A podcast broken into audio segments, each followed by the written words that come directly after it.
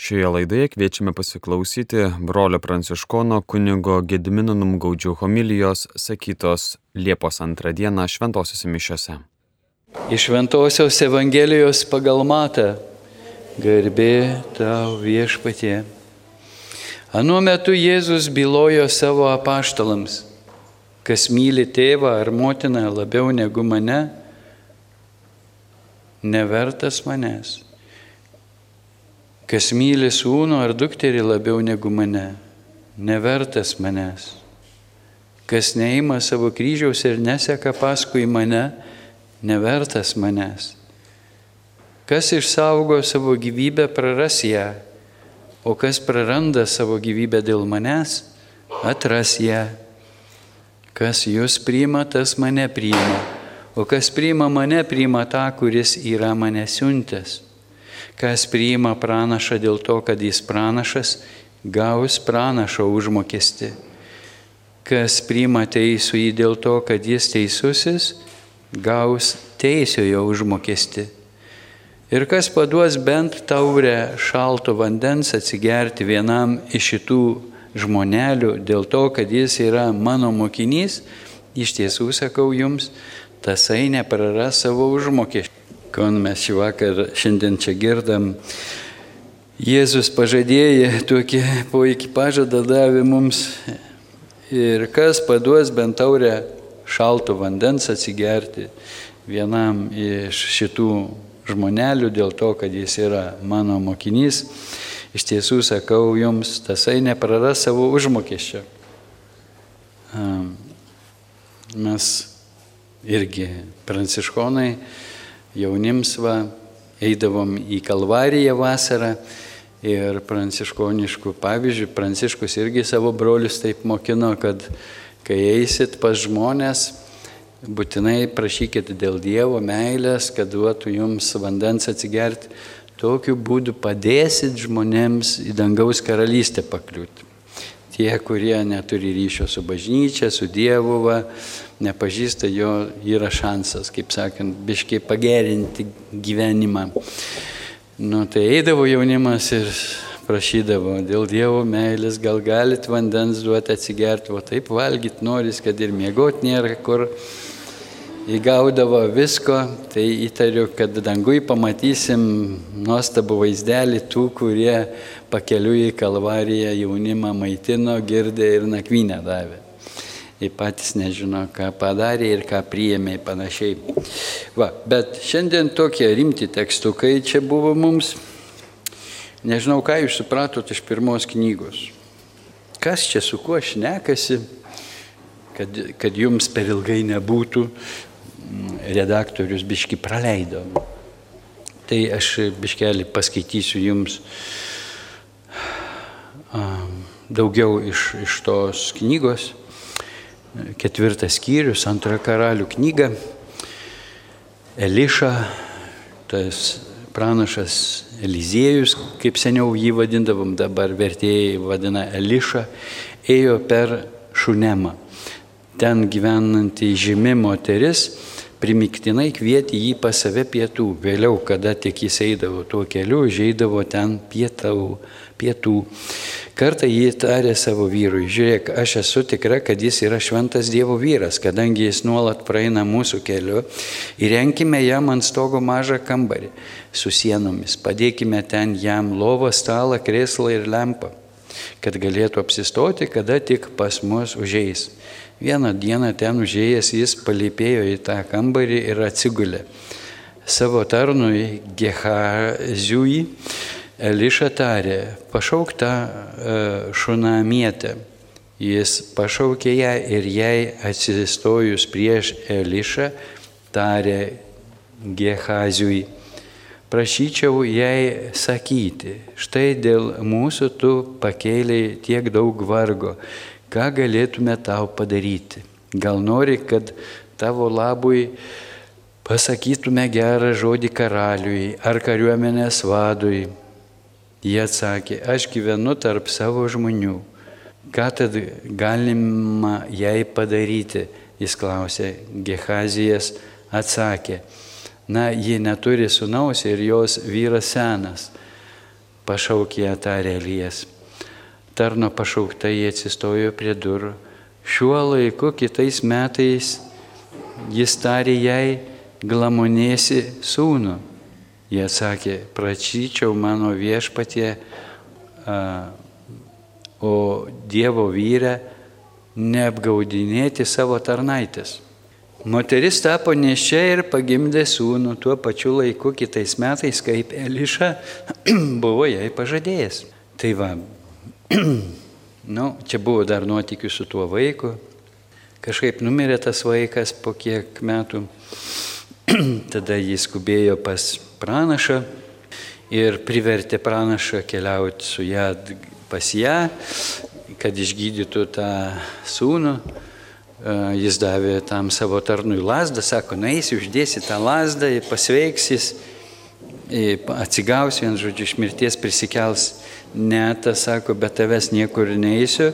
Nu, pranaš, pranašo tarnas ten skubėjo pirmas, uždėjo tą lasdą, nesuveikė, nu, tada jau teko pranašo imtis priemonių ir kaip ten prikėlė tą vaiką, jūs galite paskaityti patys. Į tam skirelį dar įdomių dalykų apie duonas padauginimą. Ne vien Jėzus daugino duoną, bet jau ir pranašas Eliša daugino ir aliejų, ir, ir duoną. Taip kad žydams ne naujiena buvo tie stebuklai, kuriuos Jėzus darė ir ne veltui kai kurie galvojo, kad čia prisikėlęs Eli, Elijas ar koks kitas pranašas. Tai va, ir kągi visi tie pranašiški ženklai reiškia. Na, mes vat, jau Evangelijoje girdime Jėzaus pažadą, kad tas, kuris priima pranašą, dėl to, kad jis pranašas iš pagarbos Dievui, kuris siunčia pranašus, kurie perdoda žmonėms Dievo valią, jeigu kas su pagarba vat, priima pranašą, priima tą, kuris jį siuntė ir gaus pranašo atlyginimą. Ta moteris gavo pranašo atlyginimą. Ji pažino Dievo jėgą, tapo neščia, pagimdė sūnų, į dar kaip mesijo pirmvaizdį, sakyčiau, atgavo sūnų iš mirties prikeltą. Tai va, tokios patirtis žmogaus gyvenime turėtų gerokai keisti žmogaus paužiūrį į pasaulį ir santyki su Dievu. Šiandien mes turim progą apmastyti, o ką tai reiškia mūsų gyvenime. Kaip mes priimame Dievo žmonės. Ar yra dar šiais laikais tokių Dievo žmonių, kurie Dievui tarnauja, kurie kaip pranašai kažką veikia, pranašauja, kviečia žmonės į atgailą, pranašauja Dievo darbus, asmeniniuose tų žmonių gyvenimuose ir panašiai. Ar jums pavyko sutikti tokių žmonių, o gal jūs patys pašaukti būti pranašais ir nešti žmonėms gerą naujieną, gal pašaukti būti evangelistais, o gal kokiu kitų būdu teikiant pagalbą, liūdyti Dievo meilę. Čia mes prieitą savaitgalį turėjom šalom bendruomenės susirinkimą ir ten Julius mūsų brolis paruošė vertimą, norim įkurti mes tokią gelbėjimo tarnybą. Ji ukrainietiškai ten turi tokią prasme, kad krikščioniška gelbėjimo tarnyba. Bet sesutė išvertė krikščionių gelbėjimo tarnybą. Ir tik man po savaitės, kaip žemaičiui dėjo, koks genialus pavadinimas - krikščionių gelbėjimo tarnyba. Ogi mintis, kad daugelis krikščionių be tos tarnybos neišsigelbės. Kas čia per tarnybą tokia? Nu, vat, mūsų broliai Ukrainoje, e, tokia Kievė yra Maranata bendruomenė, čia tarp kitko mes turime agentų iš tos tarnybos.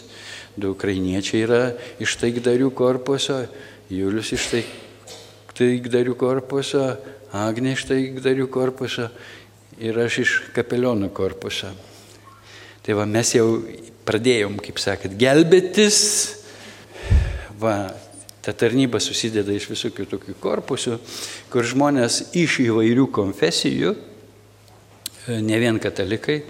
Pavyzdžiui, mes su Agne ėjome į ligoninės pas e, ukrainiečių karius, kurie iš fronto linijos atvežti, sužaloti, skeveldrų, kulkų, kai kurie be rankų, be kojų jau apipjaustyti, kaip sakant. E, lankėm juos ir ėjom kartu su katalikais ir mesijaniniais žydais. Tokia buvo nemaža komanda, ruš, pilni ryšulių, ten visokių reikalingų tiems kariams priemonių nešim va, ir jie du, tris kartus į savaitę lanko tuos karius.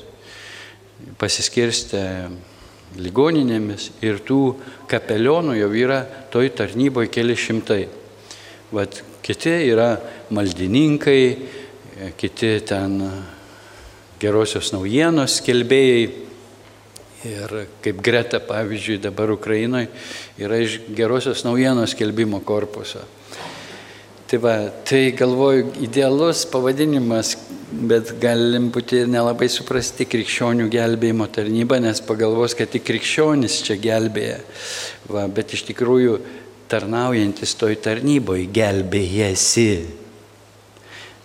nuo fantazijos trūkumo, nuo Dievo valios pažinimo trūkumo ir nuo abejingumo ir panašių dalykų, kurie e, skurdina mūsų gyvenimą, skurdina mūsų tikėjimą, nes kai tikinti žmogus kažkur tarnauja, tai jis turi progą, dalyvaudamas kartu su Jėzumi tėvo reikaluose, matyti, kaip tėvas veikia, bet kaip tas tarnas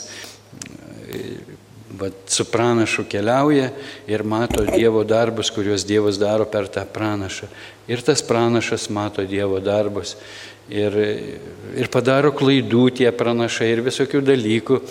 Tai grįžtant prie, prie, tų, prie to tarnavimo, tarnavimo poreikio, gal nemažai žmonių gerus darbelius karts nuo karto savo šeimynai padaro, galbūt kaimynams gerų darbelių padaro, Bet tai, ko gero, daugeliu yra labai tokie momentiniai, kažkokio poreikio išaukti dalykai, bet taip, kad pastoviai kažkur bažnyčioj, parapijoje įsipareigotų tarnauti tikrai e, mažuma. Daugelį parapijų, ko gero, tradiciškai yra 3-4 žmonės įsipareigoję tarnauti, tai dar alga gauna kaip samdiniai. Tai vargonininkė ir vargonininkas Zakrastions į Pročką. Ne? O ką kitiems parapiečiams daryti, kaip jiems raumenukus tikėjime auginti, jeigu jie neturi, kaip sakant, tarnyščių bažnyčioje, jeigu klebonas e, fantazijos neturi ir bijo, kad tik kas iš jo kontrolės neišeitų ir ta parapija va tokia tik mišelės atšvenčia ir namo, ir visas jų dvasinis gyvenimas. Tai va, Bandėme čia su vyskupu Kestučiu e, prieš pandemiją, prisimenat, kankinom, varginom dekanus ir kunigus e, visoje Žemaitijoje, organizavom tokius palaiminimo šeštadienius kas mėnesį ar kaip ten būdavo, net nebeatsimenu. Va, galima transliaciją susirasti Telšių viskupijos e, YouTube kanale ir pasiklausyti, ką mes ten matėm, viską fiksavom, kaip sakant, liko video dokumentas. Va, tai buvo ten bandymas kažkaip tą viskupo viziją realizuoti parapijose, kad susikurtų tos tarybos, kad ten parapijos žmonės pradėtų kurti gyvenimą, prasidėtų veikla neapsiribotų vien ten paruošė vaikus pirmai komunijai, paleido nebėr, sutvirtino ir nebėr. Iki vestuvių jau daugiau tų vaikų, paauglių nebematų mane. Bangelė praeina tokia vat ir kas vyksta su jais. O paskui sutvirtinimo sakramentą priemė dar kai kurie Facebook'e parašo, kad į bažnyčią kojos nekels. Tai va, tai ryškiai kažko bažnyčiai trūksta, kažkur žmonės neturi galimybės aukti, tikėjime aukti dvasioj, o tiek jauniems žmonėms, jaunimui Nu, vyrai niekada nesuauga, jų tik žaislai su amžium kaina keičiasi. Va, tai jiems visiems veiklos kažkokios reikia, ar fizinės kažkokios, ne pastovios veiklikės reikia. Tada jie jaučiasi reikalingi, vertinti ir va, tada jau jie kažkaip juda. O ten, ką nors bedarydami, dar ir vienas kitas žodis iš Dievo pasiekia juos, tai va yra šansų jiems įsigelbėti. Kažkodėl užnešė mane šiandien apie tą tarnybą, nors visai neplanavau, bet galvoju, kaip čia bet viskas susiriša. Ta moteris atpažino pranašą ir tarnavo jam. Pietus dėl jo gamino na, butelį įrengė, kad pranašas galėtų užeiti ir pailsėti. Ji su savo šeima tarnavo Dievui. Pranašas per ją patyrė Dievo meilę ir tėvo rūpestį juo, ne? kad turėtų kur pranašas pailsėti savo kelionėse, pavalgyti ir panašiai. Ir sugalvojo pranašas va dar atsilyginti pas karalių žodelių užtart, pas karo vadą, kad kareiviai, kaip sakant, ne savo valiautų, ką nors apsaugą kažkokią organizuoti, bet jai nieko netruko, ji žymi ir atrodo pasisekęs gyvenimas pas ją, va, ir ji gali dar dalintis ir ne dėl savęs vienos gyvena, bet, bet nori dalyvauti Dievo darbuose. Tai mums toks pavyzdėlis gražus šiandien, va, ir Jėzus mums primena apie tą atvirumą, atvirumą Dievo darbams, kad leistume Dievui per mus mylėti kitus žmonės ir ne tik Dievo žmonės, ne tik jo mokinius, pranašus ar kunigus, bet kad kiekviename žmoguje atpažintume karalių, atpažintume patį Jėzų. Jėzus sako, ką padarėte vienam iš mažiausių brolių, man padarėte. E, kūrinyjoje egzistuoja toks dėsnis, esat tikriausiai pastebėję, kad visoje kūrinyjoje visi kūriniai ne dėl savęs gyvena. Nu, pasakysit, jau musė egoistė, jau tikrai dėl savęs. Ne. Žvirbliai jas labai mėgsta ir jeigu ant vandens nutupia, tai tokį delikatėsiuką, mielai, kaip sakant, koks karosiuks prarys ar Dabar vat, upiai daug išalkusių burnikių tik ir laukia, kol koks kraugerys uodas nutūpsa, ne? Tai va, pasirodo, ne vien dėl savęs gyvena, vat karvės čia ganuose, ne? Karvė dėl savęs gyvena. Dėl ūkininko gyvena, ateina ūkininkas, jį išpygą susukusi, neduosiu šiandien pieno. Pažiūrėtumėm, kas su jie būtų vakare, jeigu jį neduotų pieno, ne? Būtų baisios kančios ir sakytų, kur tu mano gelbėtojau, o vidijau. Tai va ir e, bitės irgi neša medų. Taigi mes valgom žuvelės, mesikės visokias, kitus vat, vaisius, daržovės ir, ir žmogus irgi pašauktas ne dėl savęs gyventi, kaip šiandien girdėjome e, šventam rašte Paštolo Pauliaus laiškė romiečiams, kad mes pakrikštyti Kristuje Jėzuje esame pakrikštyti jo mirtyje, taigi krikštu mes esame kartu su juo palaidoti mirtyje, kad kaip Kristus buvo prikeltas iš numirusių tėvo šlovinga gale, taip ir mes pradėtume gyventi atnaujintą gyvenimą. Jeigu esame mirę su Kristumi, tikime, kad ir gyvensę su juo. Mes žinome, kad prisikėlęs iš numirusių Kristus daugiau nebemiršta, mirtis jam nebeturi galios, kad jis numirė, tai numirė nuodėmiai kartą visiems laikams, o kad gyvena, gyvena Dievui. Taip ir jūs laikykite save mirusiais nuodėmiai, o gyvais Dievui, Kristuje Jėzuje. Taigi susijungia per, Jėzų, e, per krikštą, susijungia su Jėzumi jo mirtyje, tai yra atsižadėję senojo gyvenimo būdo, atsižadėję nuodėmės, mes priimame Jėzų į savo širdį, numirę savo, atiduodame save Kristui, kad jau po krikšto gyventume nebe dėl savęs, bet dėl Dievo, priklausydami Kristui, Kristaus kūnui, kuris gyvena irgi dėl Dievo. Ir jo kūno nariai, mes visi pakrikštytieji, sujungti dvasios ryšiais, esame pašaukti gyventi ne savo, ne savo užgaidoms, ne žaidimams, kartais gerai pažaisti, ypač su vaikais, užimti vaikus, Bet, e, kaip sakant, reikia visur to balanso. Galim labai pamėgti žaidimus ir paskui niekas daugiau nerūpės kaip žaidimai. Galim ir suvaikėti tokiu būdu. Nu, seniems atleistina, tai neišvengiamas procesas. Va, sugrįžti į vaikystę, kūdikystę. Turim su tuo irgi išmokti susitaikyti.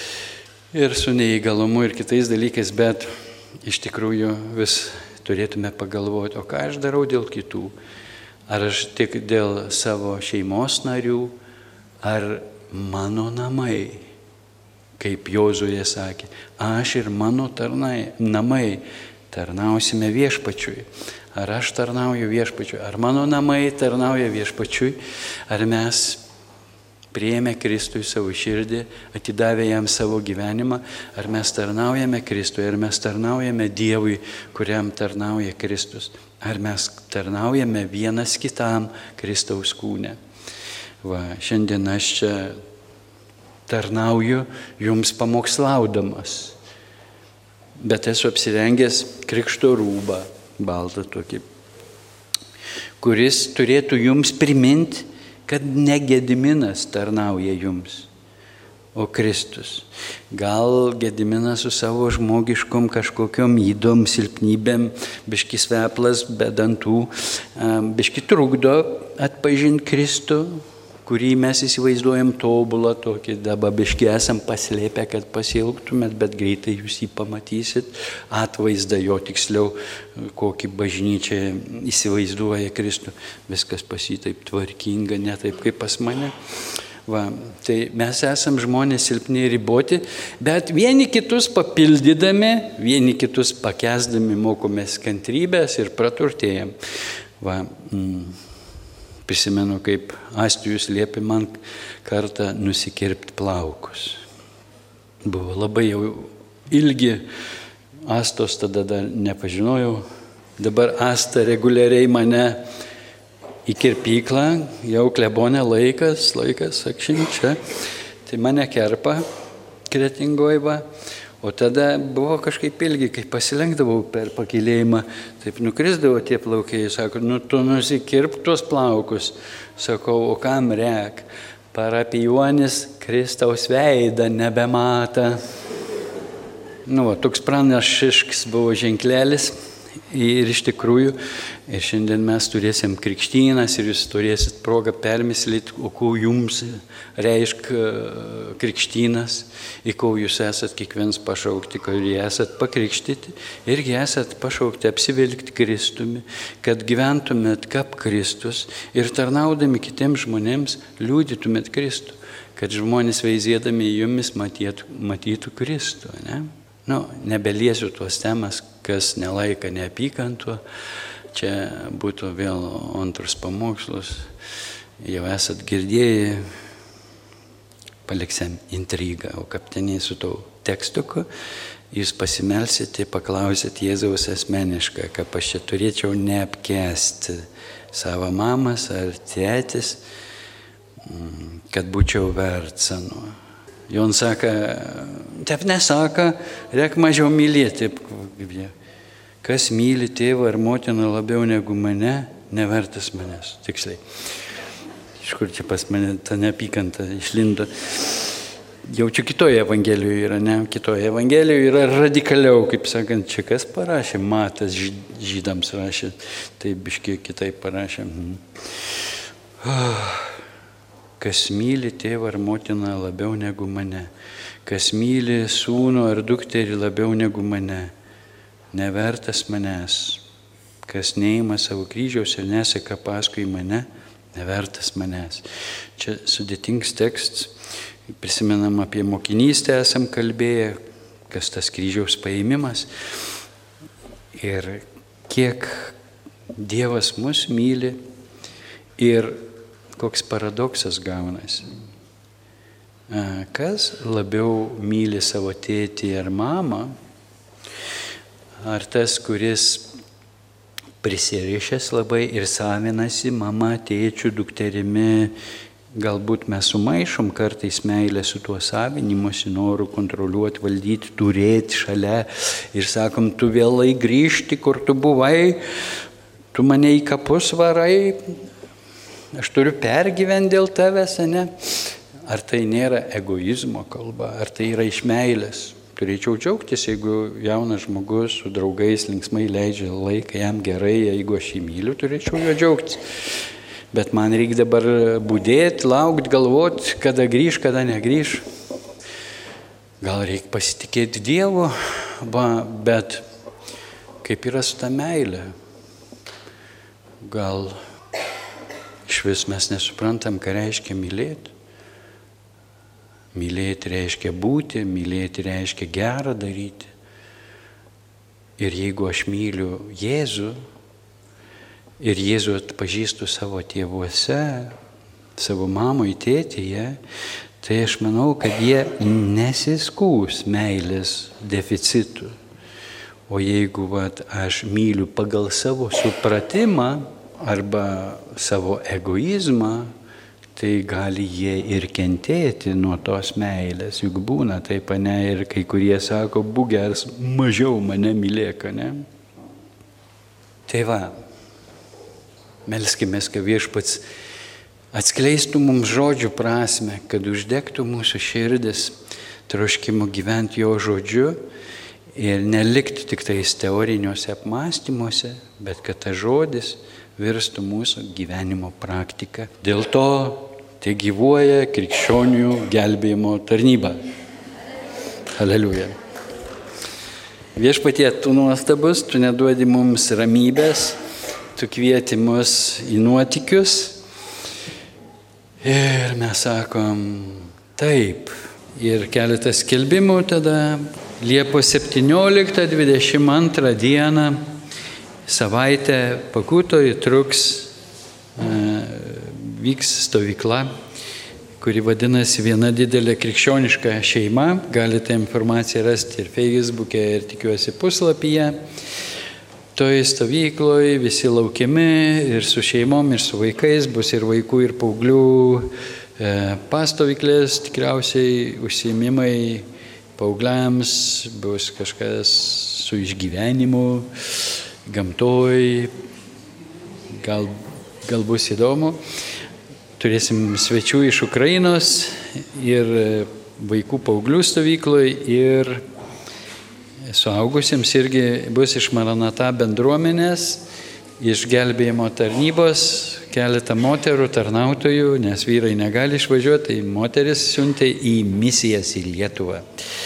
Va, 17 dieną atvažiuos sesės ir pasidalins savo patirtimi kaip krikščioniška gelbėjimo tarnyba užaugo per metus karo sąlygomis, kiek daug žmonių iš įvairių bažnyčių, konfesijų įsijungia į įvairiausias tarnystės ir kaip tame randa džiaugsmą, palaiminimą ir augimą.